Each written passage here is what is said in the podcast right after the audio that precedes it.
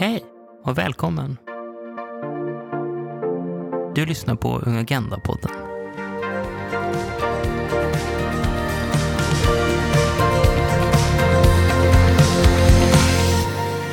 Hej och eh, varmt välkomna till ett nytt avsnitt av LSUs podcast Ung Agenda. Och eh, idag så kommer vi ha eh, ytterligare ett avsnitt med fokus på EU. Och som ni hör så är jag inte Seinab som vanligtvis är vår programledare. Hon kunde tyvärr inte vara med och spela in idag. Eh, men hon kommer ändå vara med under avsnittet lite senare. Då vi under detta avsnitt kommer att prata om Sveriges kommande ordförandeskap i EU som är våren 2023. Och då har vi äran att intervjua EU-minister Hans Dahlgren och det kommer att Seinab göra senare i veckan som ni kommer att höra snart eh, om lite senare i, i podden. Så, eh, som jag nämnde tidigare så kommer att vi att i detta avsnitt fokusera på Sveriges ordförandeskap i EU. Och eh, som vanligt, mitt namn är Hanna Wellan Fager. Jag är då en av två ungdomsrepresentanter till EUs ungdomsdialog för LSU. Och med mig idag så har jag Elsie Gisslegård, min eh, repkollega. Hur är det med dig Elsie? Bara bra. Varit lite sjuk i helgen men mår mycket bättre nu så att eh, höstförkylning, det är nästan lite skönt att få höstförkylning nu efter att ha suttit inne i ett och ett halvt år. Um, så att nu, nu känns det att man börjar komma, komma ut lite. Ja, ja det, det känns konstigt det här med vanlig förkylning. Det har man inte varit van i, men jag håller med. Jag har själv också haft en höstförkylning som man har tagit sig igenom.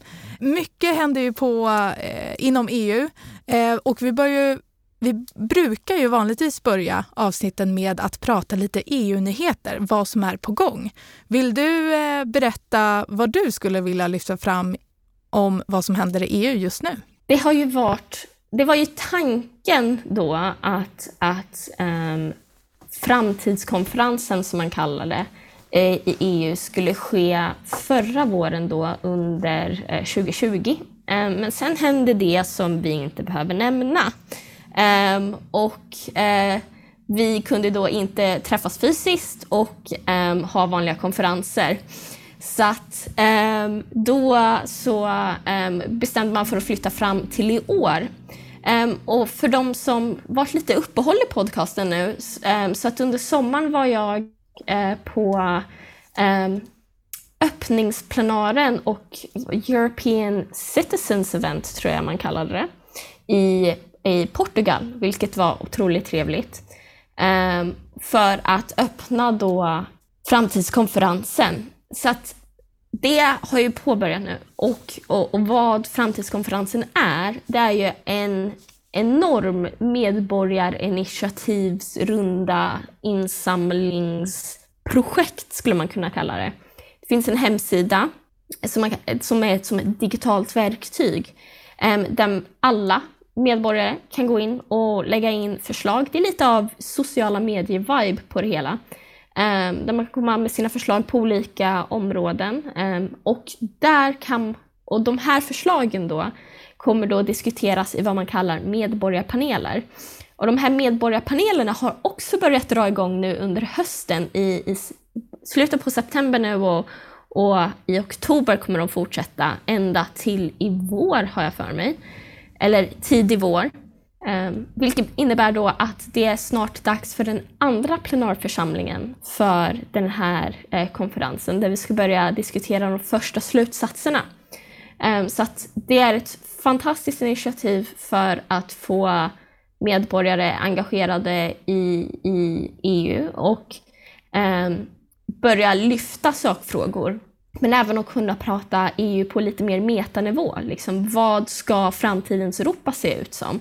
Um, och, och, hur vill vi ha det? Um, hur kan vi öka medborgares demokratiska inflytande? Um, så att allt ifrån vi vill ha koldioxidmärkning på kött till att vi vill, vi vill in, alltså så här, konst, alltså konstitutionella förändringar eller ens ha en EU-konstitution. Um, Sådana här saker kan diskuteras. Så det är allt från det lilla till det stora.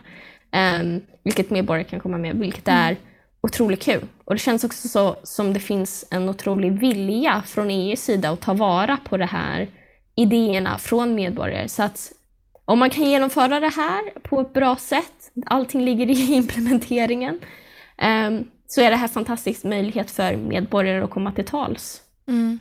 Och vad, vad, tror du, för du har ju varit involverad, du var i Lissabon, du fick se liksom det stora maskineriet bakom. Vad tror du kommer landa i i slutändan om ja, men lite mindre än ett år? Kommer eh, institutionerna ta vidare på något bra sätt? Vad tror du?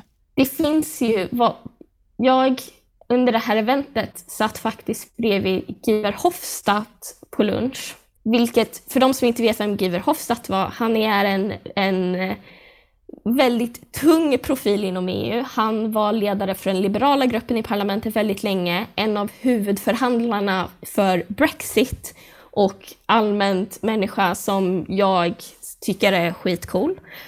Um, han är en av coachers för den här konferensen um, och från honom fick jag känslan av att det finns en otrolig vilja att kolla över allt vad det kommer till EU. Um, och det inkluderar institutionerna. Mm. Däremot, vad man har fått för liksom, känsla från andra delar, speciellt skulle man kunna säga kommissionen och ifrån Europeiska rådet, eller inte Europeiska rådet, men eh, ministerrådet heter det Där är det väl inte lika taggat på institutionell förändring. Parlamentet brukar ju alltid vara lite ivrig från den sidan. Men ja, vi får se. Jag tror att jag tror att det ska bli väldigt intressant när vi börjar diskutera de första slutsatserna från de första kommittéerna nu, de första medborgarpanelerna. Då ska det bli väldigt intressant att se vad det är för, vad det är som är resultatet. Um, och få diskutera det och kanske till och med få pusha lite för institutionell förändring. Det ska bli, det ska bli väldigt, väldigt spännande då kommer man nog kunna se lite mer vad för typ av rekommendationer för förändringar och så kommer komma fram. Men än så länge så är jag väldigt hoppsam på ganska så stora dramatiska saker. Um, men vi får se som sagt. Mm. Ja, spännande att följa och eh, vi kommer ju fortsätta att vara lite inkluderade i olika utsträckning också i framtidskonferensen. Jag tänkte kort eh, nämna tre, kanske framförallt utmaningar som EU står inför som lite aktuella frågor kopplat till vad som händer inom EU. Eh, först eh, så såg jag här nyligen att EU-kommissionen då som tar fram lagförslag eh, arbetar med en ny migration och eh, asylpakt och där försöker de utvärdera vad som har hänt på området det senaste året. Och här arbetar man bland annat att eh, stärka skyddet eller snarare så här, motverka utnyttjande av migranter inom EU. Och det här är en ganska aktuell fråga som har dykt upp de senaste månaderna, bland annat genom att flyktingar har kommit från eh, konflikten i Afghanistan. Här har man sett fruktansvärt att flyktingars utsatthet har använts som nästan som ett vapen. Eh, många flyktingar kom in eh, till Europa genom Belarus och sen så använde Belarus regim, som man vet är en diktatur då, eh, så använder man i påtryckningar gentemot sanktioner som EU-medlemsländer har satt upp eh, mot Belarus, att försöka ta bort dem genom att använda då utsatta människor som har kommit som flyktingar eh, genom gränsen då mellan Belarus och framförallt Litauen. Då. Eh, så det här vill EU-kommissionen arbeta ännu mer för. Vice ordförande i kommissionen Margarita Chinas han sa bland annat att framstegen kopplat till migration och asyl har varit väldigt långsamma in, inom EU. Här vet vi att medlemsländerna är väldigt oeniga. Eh, samtidigt som att kommissionen pekar på att liksom migrationsrelaterade utmaningar, det kommer ju fort, for, fortsatt att uppstå i både nya och gamla form, former och liksom att det är tryck från olika håll i centrala Medelhavet till den förvärrade situationen i Afghanistan och då, som man också nämnde, nytt tryck eh, på den östra gränsen. Och här vill de just understryka att det är absolut nödvändigt att man kommer överens för att skapa en hållbar europeisk asyl och migrationsram eh, som alla kan komma överens eh, om.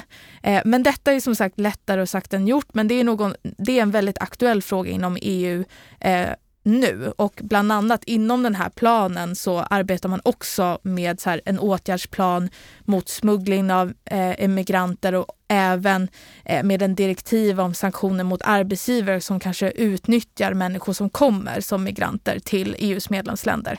Så det blir spännande att följa. Eh, en annan sak det är den fortsatta försämrade relationen mellan Polen och EU. Eh, och här framför allt då Polen fortsätter att bryta ner rättsstatens principer.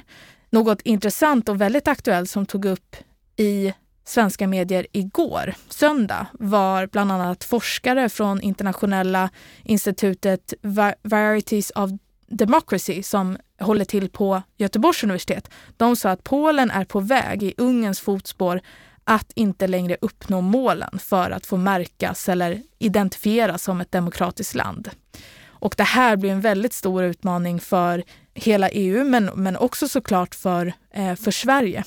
Eh, här försöker ju kommissionen eh, stoppa möjligheter, bland annat kanske till finansiering från de här EU-fonderna, eh, bland annat regionalfonden men också det nya eh, budgetpaketet Next Generation Europe bland annat, där man skapade en villkorsmekanism som gör det möjligt att stoppa EU-stöd till medlemsländer som bryter, bryter mot rättsstatens principer. Men som sagt, även om det gäller det är det lättare sagt än gjort.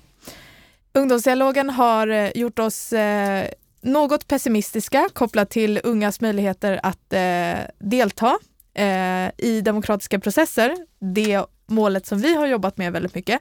Men vi kan väl vara optimistiska och tänka möjligtvis att det blir bättre nästa omgång, nästa cykel som börjar eh, januari nästa år, januari 2022. För då är ju tyvärr, får man väl säga, vårt uppdrag som EU-representanter slut. Men då kommer nya LSU-representanter som ska vara ungdomsrepresentanter till EUs ungdomsdialog som blir då från januari 2022 till sommaren 2023. Och varför det här är så spännande eh, och varför vi vill prata lite, lite mer om just kommande omgång av ungdomsdialogen, det är för att Sverige eh, kommer vara ordförande under den här perioden. Och det kommer man vara eh, våren 2023, så om lite mer än ett och ett halvt år. Och eh, ja, vad innebär då ett ordförandeskap i EU? Om vi, om vi tar det väldigt kortfattat så kan man säga att eh, Europeiska unionens råd, rådet eller EUs ministerråd, där har man ett roterande ordförandeskap mellan EUs med medlemsländer som sker var sjätte månad. Och under den här sex månaders perioden så leder ordförandeskapet möten på alla olika nivåer i ministerrådet och bidrar till en kontinuitet i EUs arbete. Och eh, de medlemsländer som innehar ordförandeskapet, eh, de har man ett nära samarbete med och det kallas liksom trio-ordförandeskapet. Så det är tre länder som går ihop tillsammans och försöker skapa en gemensam inriktning. Och eh, när nästa cykel av EUs ungdomsdialog börjar, då är det ett nytt trio-ordförandeskap bestående av Frankrike som är först ut, sen Tjeckien och sen Sverige. Och eh, de här länderna, de jobbar tillsammans nu för att förbereda inför den här kommande perioden. Eh, vill du dela med dig lite, Elsie, eh, kopplat till vad, vad det finns för möjlighet då för, eh, för Sverige exempelvis att sätta sin prägel och vilket inflytande har man egentligen när man är, när man är ordförande? Jag tror att um, man kan ju säga att Sverige tillsammans med de andra trio-länderna eh, som nämndes har ju då bestämt vilka ungdomsmål till exempel som det ska jobbas med under den här kommande cykeln. Och då har de valt mål 3, vilket är inkluderande samhällen, och 10, vilket är grönt Europa. Det här är ju då några av ungdomsmålen som EU har. Eh, så att dels får makten då att sätta agendan lite, um, men också utformningen på till exempel ungdomskonferensen och, och hur den ska gå till får man vara, vara med och bestämma. Um, så jag skulle säga att trioländerna har, och ordförandeskapsländerna har otroligt med makt um, vad det gäller att... För man kan ju bara diskutera det som finns på agendan. Så att, eh, det är klart att man kan styra dialogen på ett helt annat sätt. Um, om jag inte missminner mig, till exempel förra gången Sverige hade ordförandeskap i EU så började man prata sociala pelaren. Um, någonting som inte riktigt har, har inte genomförts, men just att man kan få under den här perioden få upp ett ämne på agendan som är lite svårt när man är en av de 26 andra länder som um, ska vara med. Så att det är klart, sätta agendan, det är mycket makt. Det kan vi säga. Ehm, senaste gången Sverige var ordförande tror jag var 2000 ungefär. Eh, då var det ett lite annorlunda system. Eh, då hade man kanske större inflytande men efter den senaste fördragsändringen 2009 med Lissabonfördraget då ändrade man spelreglerna lite och gav mer makt till kommissionen. Eh, men man har ju fortfarande, vilket kanske gav lite mindre inflytande till ordförandelandet, men man har ju som du säger fortfarande en enorm eh, ett enormt inflytande vad gäller att sätta frågor på agendan och vilka frågor man vill jobba med, olika huvudområden. Och just vad gäller EUs ungdomsdialog, här får man ju verkligen bestämma vilka ungdomsmål Eh, det här tio ordförandeskapet tillsammans ska arbeta med och sen respektive land kommer göra sin egen tolkning, eller kanske inte tolkning, men man kanske kommer prioritera olika frågor inom mål 3 som du nämnde, inkluderande samhällen och mål 10, eh, hållbart grönt Europa. Men vad, vad, är dina förväntningar inför eh, nästa cykel och framförallt då kanske det svenska ordförandeskapet? Jag tycker det ska bli så kul att ha svenskt ordförandeskap. Jag tror det senaste ordförandeskapet var ungefär 2011. Men, um, det, men man har inte haft um, man har inte haft de här ungdomsmålen sedan Sverige hade ett ordförandeskap. Eller så som målen ser ut nu och på så sätt man jobbar med um, ungdomsdialogen. Så vad jag tror är att man kommer Alltså jag, jag, tycker den här kombinationen av inkluderande samhällen och grönt Europa är på något sätt otroligt skandinaviskt um, och otroligt svenskt. Um, så att jag tycker det, det, ska bli verkligen kul att se hur Sverige sätter sin prägel på det jämfört med de andra ordförandeländerna. Men också, um, jag tror att Sverige nog kommer luta mer in i inkluderande samhällen. men vi får helt enkelt se Ehm, men det, det, det, ska bli en spännande balans. Under våran cykel nu har vi haft ett ungdomsmål och nu har vi två. Så att det ska bli väldigt spännande att se hur man balanserar det. Mm, verkligen. Och jag vill säga, du har helt rätt. Man var ju ordförande. Eh, man hade ju ordförandeskapet 2011. Jag tänkte bara tillbaka. Jag såg för inte så många veckor sedan en dokumentär om Göran Persson. Och han pratade i sin dokumentär, eh, ordförande Persson, väldigt mycket om sitt ordförandeskap. Han, var, han säger en del konstiga saker men en del roliga saker också kan man säga. Och då pratar han väldigt mycket om, där träffade jag den här världsledaren och här skakade han med Bill Clinton. Men så jag hade liksom det, det i minnet. Men eh, jag tänker nästa cykel så har man bland annat eh, eh, kommit fram till en slogan eller ett motto Eh, och det lyder Engaging Together for Sustainable and Inclusive Europe. Vad tänker du när du hör det? Och vad skapar bara det mottot för förväntningar? Jag tycker det låter väldigt mycket som FNs hållbarhetsmål. Just det här att inkludera den här ekologiska eh, aspekten och att, att, ställa om världen i, i ekologisk balans men också att göra det på ett sätt som gynnar alla.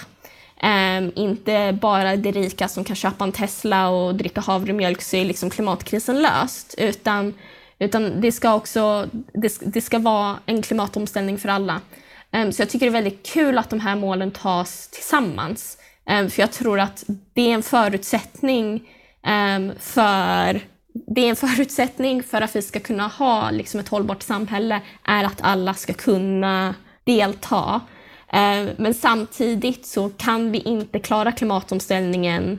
Ja, min, min enda farhåga eh, när man pratar just, eller när man utgår från FNs hållbarhetsmål, det är att det blir väldigt brett. Jag tycker att det är otroligt viktigt med alla de här, att man tänker på det miljömässiga, sociala, ekonomiska aspekter.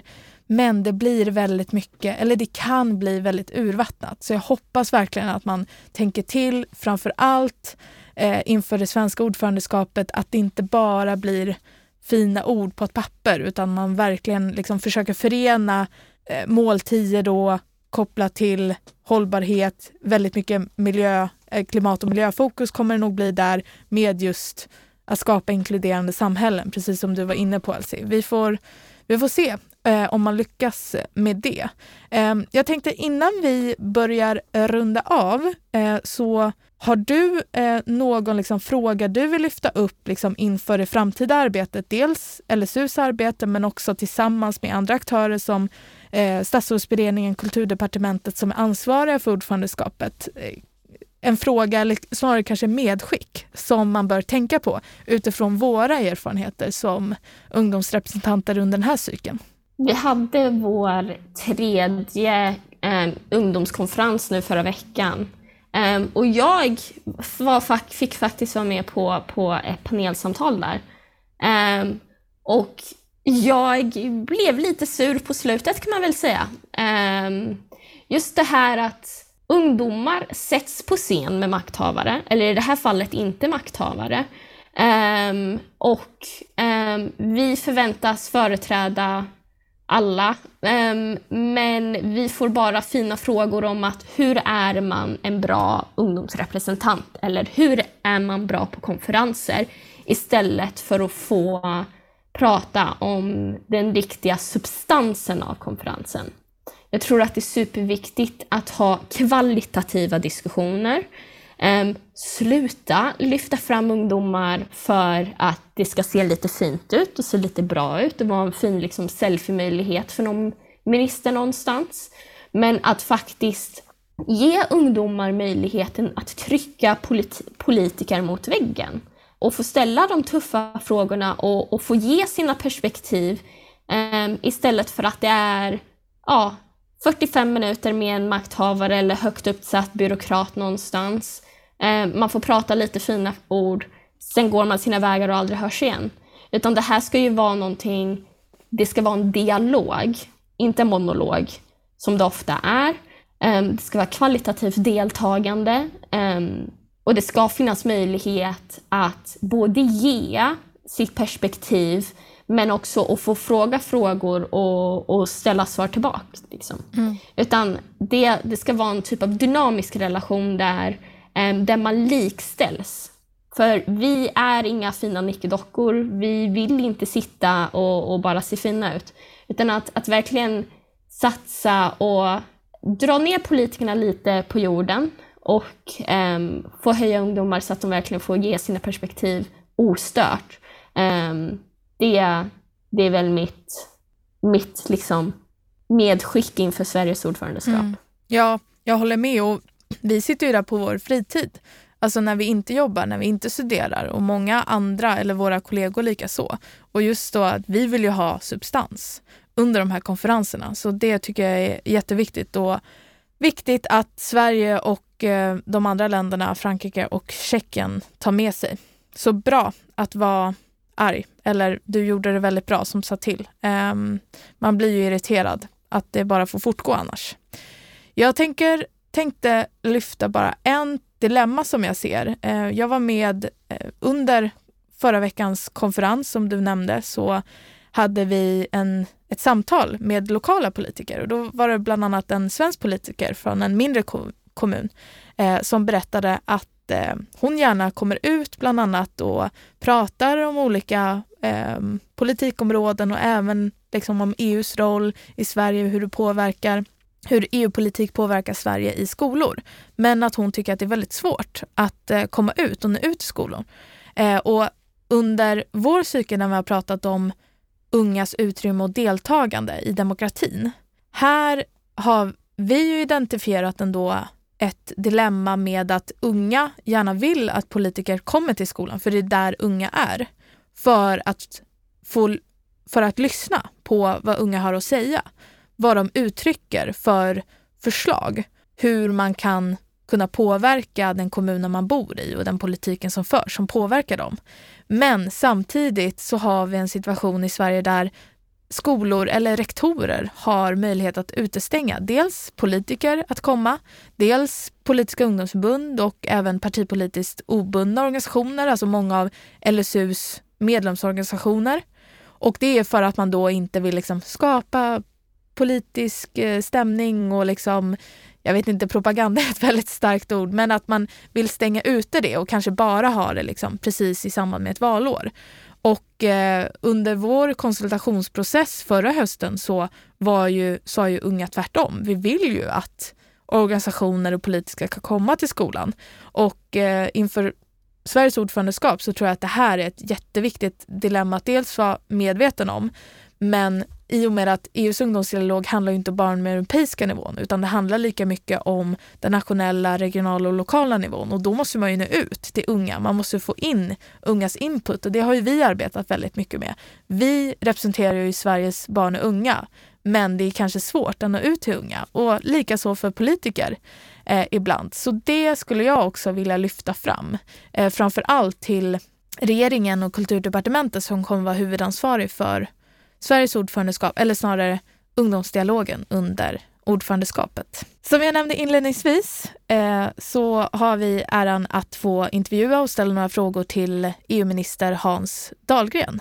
Och under det svenska ordförandeskapet så är ju han ansvarig minister för, eh, för detta ordförandeskap och eh, då har vi fått möjlighet att intervjua honom och Sina eh, kommer att ställa några frågor till honom. Men eh, vi tänkte ju att eh, vi redan nu skulle liksom bolla över några frågor till Seinab som hon kan ställa till EU-ministern.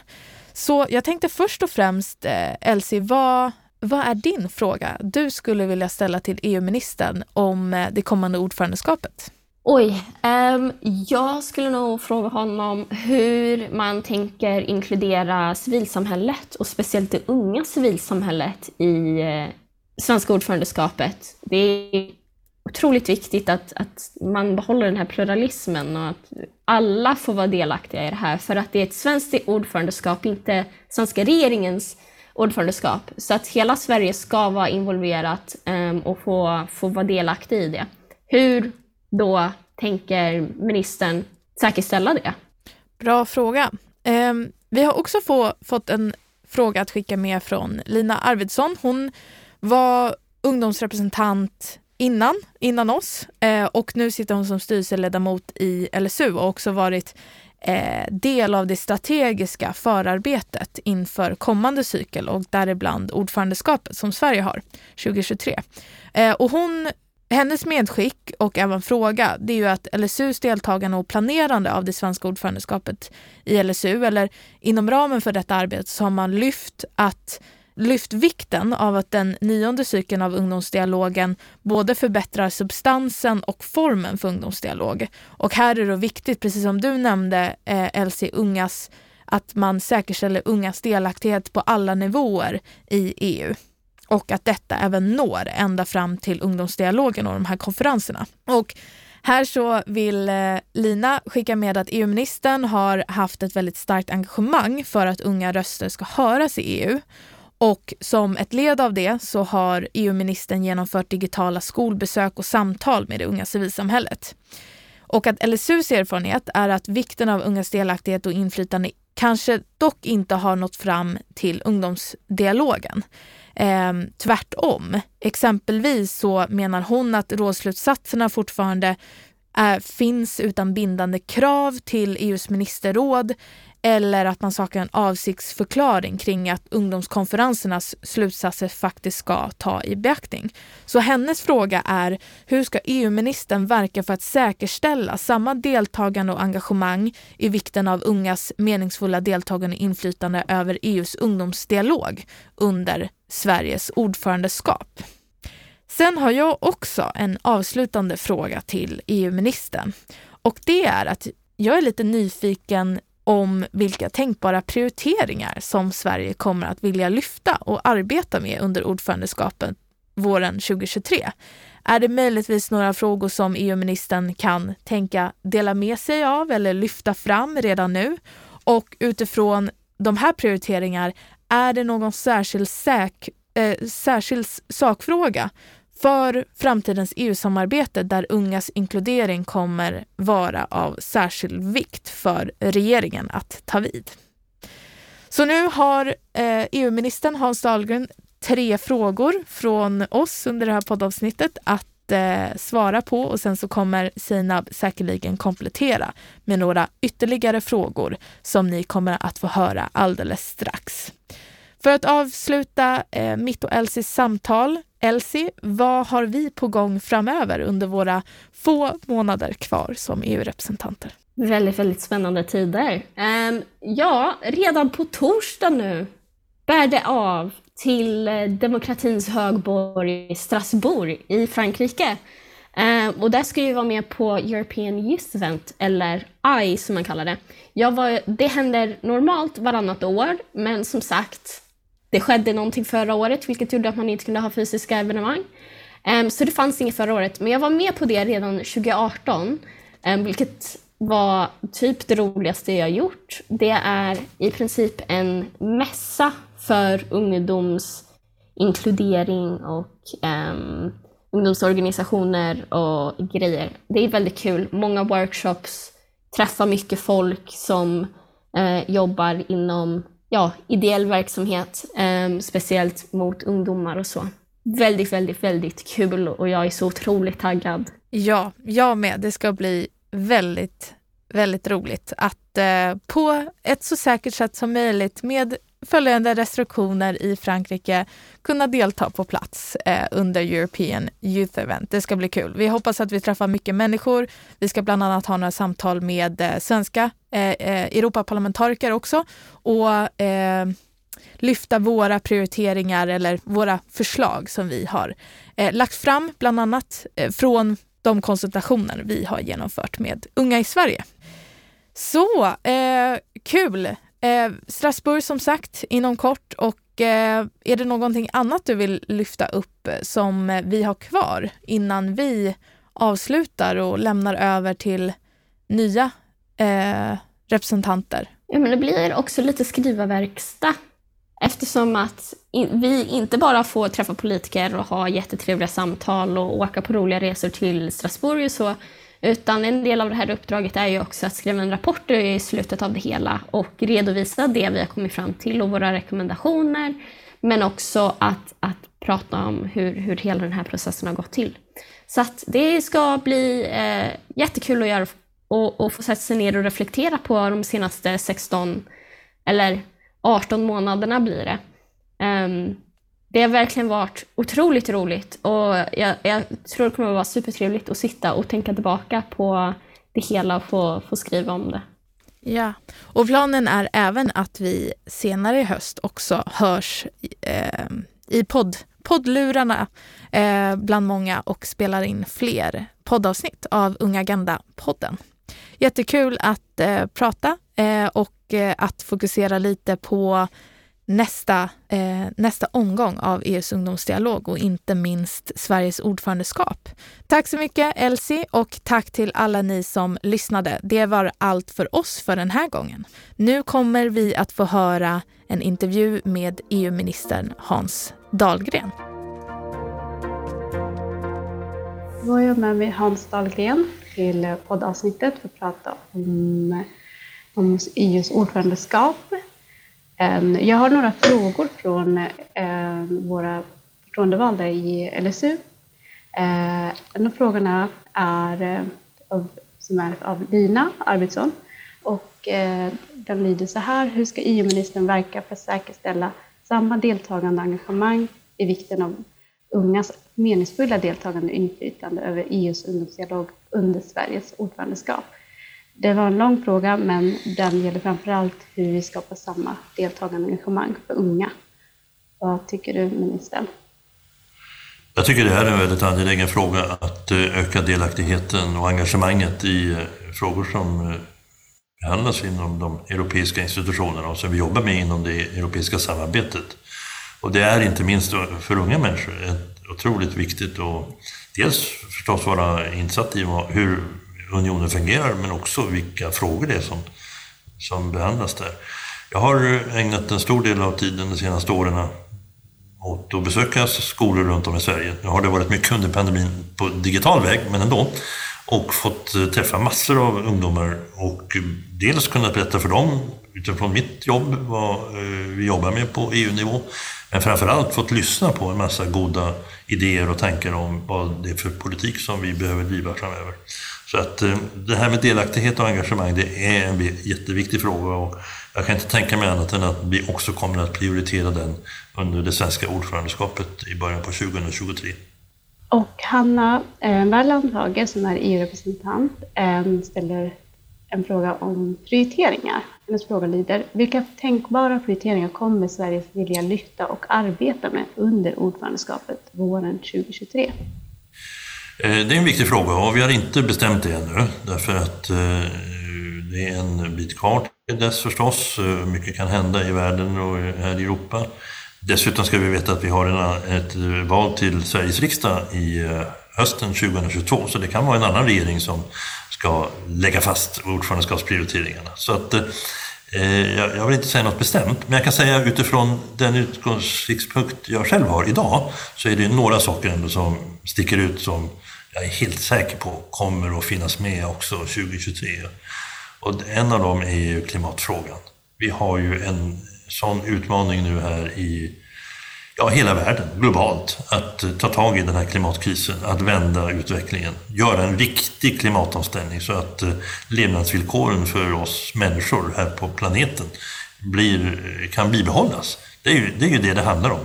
Att vi håller på att förstöra eh, möjligheten att leva på den här planeten om vi fortsätter att acceptera att det blir varmare och varmare och varmare och havet eh, stiger och eh, jättemånga människor, miljontals, kan tvingas på flykt just på grund av klimatförändringarna. Det här måste vi naturligtvis ta itu med och det är en fråga som kommer att hänga med oss under lång tid framöver och jag är säker på att det blir bland det viktigaste för oss i, under ordförandeskapet. Eh, en annan fråga som är, ligger mig varmt om hjärtat och jag tror att den kommer också att vara aktuell, eh, tyvärr, även om ett par år och det är värderingsfrågorna. Och tyvärr säger jag därför att en del av de... Ja, när man blir medlem i EU så är man tvungen att lova att eh, ansluta sig till de här mest grundläggande värderingarna som är basen för allt det europeiska samarbetet. Demokrati förstås, frihet, eh, eh tolerans, eh, respekt för mänskliga rättigheter, att vi har en rättsstat som fungerar med oberoende domstolar. Och nu har det tyvärr varit så i, i några länder att eh, det har börjat svaja på det här. Att även, trots att man har blivit medlem i EU och lovat att ställa upp på det här så har, det, har man börjat främja sig från de här värderingsfrågorna. Och då måste vi andra reagera mot detta och se till att vi får en ordning som ja, sätter tryck på de här länderna, att de återgår till det som borde vara självklart för alla inom EU. Och det tror jag vi kommer att behöva resonera om också 2023. För att ta två viktiga exempel. Ja, ehm, det, är ändå, det hänger lite ihop med den andra frågan som Hanna hade, om det var några frågor som du ville dela med dig redan nu. Ehm, och tredje, hennes tredje fråga, och det är liksom om det finns en särskild sakfråga för framtidens EU-samarbete där ungas inkludering kommer att vara särskilt vikt för regeringen. Du nämnde ju det här med ehm, klimatfrågan men också demokrati där unga liksom inkludera, hur kan vi inkludera unga? Har du några spån eller liksom tankar där? Jo, men det är viktigt eh, med ungas engagemang och ungas inkludering. Och eh, vi har, har ju just nu någonting som heter den eh, framtidskonferensen, alltså konferensen om Europas framtid, som pågår ungefär ett år framöver. Och där finns det särskilda bestämmelser eller riktlinjer för att det är särskilt viktigt att engagera unga människor och överhuvudtaget personer som inte annars Eh, så eh, deltar så mycket i sådana här debatter om EU-samarbete och så vidare. Jag vet också att eh, Ursula von der Leyen, som ju är kommissionens ordförande, hon föreslog i sitt tal här till om The State of the Union, som det heter, för några veckor sedan, att just nästa år, 2022, ska bli Europaåret för ungdomar. Och det är en väldigt viktig markering, tänker jag, från kommissionens sida. De, de, det ska vara ett år som hon säger ska värdesätta och uppskatta de ungas eh, alla de unga som har offrat så mycket, under pandemin inte minst. För en så stor del av de ungdomsupplevelser som man annars kunde haft har ju faktiskt fått stängas inne till följd av att vi har hållit avstånd och isolerat oss från varandra och eh, pluggat på distans, väldigt många som har gått i skola och så vidare. Så det är dags för att eh, ge, ge också möjligheter in, in i den här konferensen för unga människor att få ett särskilt uttryck. Så är det. Vi tog upp faktiskt det där med det talet och vad betyder ungdomsåret 2022? Vi hoppas att vi kan samarbeta med er i hur vi implementerar det i Sverige. Mm, mm. Um, och eh, på tal om implementering så undrar Elsie, också ungdomsrepresentant, hur vill regeringen inkludera det svenska civilsamhället under svenska ordförandeskapet? Ja, det, jag skulle säga att det är väldigt viktigt att göra det inför Eh, ordförandeskapet. Eh, därför att det är ju inför som vi eh, sätter upp prioriteringarna och det kommer den regering som då sitter vid makten i slutet på 2022 att fatta ett beslut om. Och det är inför det ställningstagandet som vi behöver lyssna på så många röster som möjligt. Och inte minst från unga människor. Och därför så tänker jag själv intensifiera de här skolbesöken förstås högskolebesöken. Men jag tänker också att det är viktigt att våra, de organisationer som finns på, eh, inom civilsamhället som engagerar just unga människor, och där är ju LSU speciellt ett förstås, ett, en organisation, att det som ni gör eh, har betydelse för att kanalisera vad unga människor tycker om de här viktiga sakfrågorna. Det må vara klimatet eller migration eller mänskliga rättigheter på EU-nivå eller eller säkerhetsfrågor som också är väldigt viktiga för alla människor. Att vi ska kunna motarbeta internationell terrorism och få bukt med den här gängkriminaliteten som finns också i vårt land. Ja, det var alla frågor från oss. Eh, Elsie och Hanna kommer ju skriva en rapport eh, som kommer släppas efter årsskiftet och vi hoppas att vi kan dela med det till dig, EU-ministern. Så där de har några rekommendationer framåt mm -hmm. för EU-politiken eh, för att inkludera unga och föra unga närmare EU. Och vi hoppas ja. att du kan läsa det och kanske bli inspirerad av den rapporten. Sen som sagt hoppas att vi kan samarbeta under ungdomsåret 2022. Det, den klingar väldigt bra att säga det. Ja. Det känns också väldigt hoppfullt måste jag säga. Mm. Eh, framförallt för oss som jobbar med ungdomspolitik. Tusen Nej, men vad roligt. Jag, jag, tycker, jag tycker detsamma. Jag ser verkligen fram emot att läsa, läsa den, den rapporten och de förslagen.